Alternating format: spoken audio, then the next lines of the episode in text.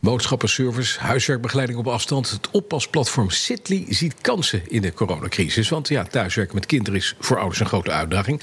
Maar dat Sitly, wat doet dat precies? Dat is een Europees uh, oppas- en gastouderplatform. Ze zijn dus niet alleen in Nederland, maar ook in Italië en Spanje actief bijvoorbeeld. En daar uh, konden ze al eerder reageren op wat er gebeurde, uh, zeker in de lockdown. er zijn veel oppassen beschikbaar, omdat alle andere bijbaantjes eigenlijk zijn opgedroogd. en dus bieden ze nu die oppassen ook aan als huiswerkbegeleiding. En daar begonnen ze dus ook al in Zuid-Europa mee. Je hoort Jules van Brugge, oprichter van Sitly.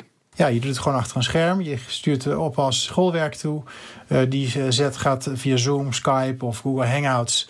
Maken ze een uh, videoverbinding. En zo ga je uh, met de kinderen aan de slag met het huiswerk. En, en het bevalt hartstikke goed. Ja, het is even wennen. Hè, dat, je, dat de kinderen achter een scherm contact hebben met een oppas. Maar als ze eenmaal bezig zijn, nemen ze het gewoon heel serieus. Dat vreemde ogen dwingen gewoon wat beter. Je ziet ook wel dat kinderen veel serieuzer nu bezig zijn met hun huiswerk. Ja, en in Spanje zeiden mensen zelfs... Ja. Ja, precies. Ja. En in Spanje, zegt hij, zien wij dat mensen prijsgevoeliger zijn. En daar overwegen ze, omdat één huiswerkbegeleiding voor één kind, hè, daar moet je ervoor betalen, een paar euro per uur. Maar daar overwegen ze een soort klassentutor aan te bieden. Om een klein groepje gezamenlijk te helpen.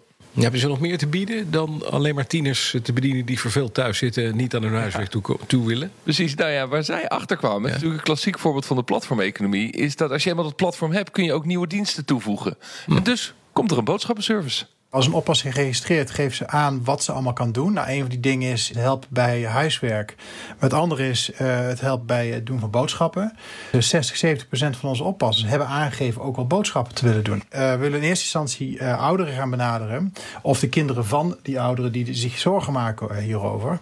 Met het aanbod van ja, je kan ook gewoon een oppas of een boodschappenhulp vinden in je buurt. Die dat voor hen kan doen. Nou, dat is mooi natuurlijk, boodschappen. Maar die diensten, houden die op te bestaan na de crisis? Zit die dan uh, dood? Ja, die vraag heb ik hem natuurlijk eh, ook, uh, ook gesteld. Hoe nu verder? Uh, ze richten zich wel op de middellange termijn. Nou ja, kijk, Citly gaat wel door. Want de oppas- en de gasthoudercentrale die blijft gewoon bestaan. Uh, zeker als we straks met z'n allen weer naar het werk willen. Ja. Ehm, maar goed, ze werken nu ook nog. want ze zijn dus echt voortdurend aan het inspringen op de nieuwe situatie. Aan een B2B-oplossing voor werkgevers. Dus richten zich alleen op de particulieren. En dan kunnen die werkgevers hun werknemers een premium service bieden. Uh, alles voor meer opvang voor de thuiswerker. Nou, als thuiswerker zeg ik, geen slecht idee. Nee. We moeten maar even wachten tot hoe lang dit uh, nog uh, gaat voortduren. Uh, maar het kan natuurlijk goed zijn dat het nog maanden voortduurt... waarbij kinderen nog steeds thuis zitten. Maar mensen moeten inmiddels wel aan het werk. ik probeer het wel thuis, wij thuis. Maar het is best wel een uitdaging om kinderen te begeleiden met school... en tegelijkertijd te gaan werken. Ja, en werkgevers weten dat waarschijnlijk ook. Dus als je personeel in staat stelt om wat makkelijker opvang te regelen... dan zal dat voor een werkgever ook makkelijker zijn. Dat zei Jules van Brugge, oprichter van Sitli. Dankjewel. Maarten Bouwhuis, tot morgen.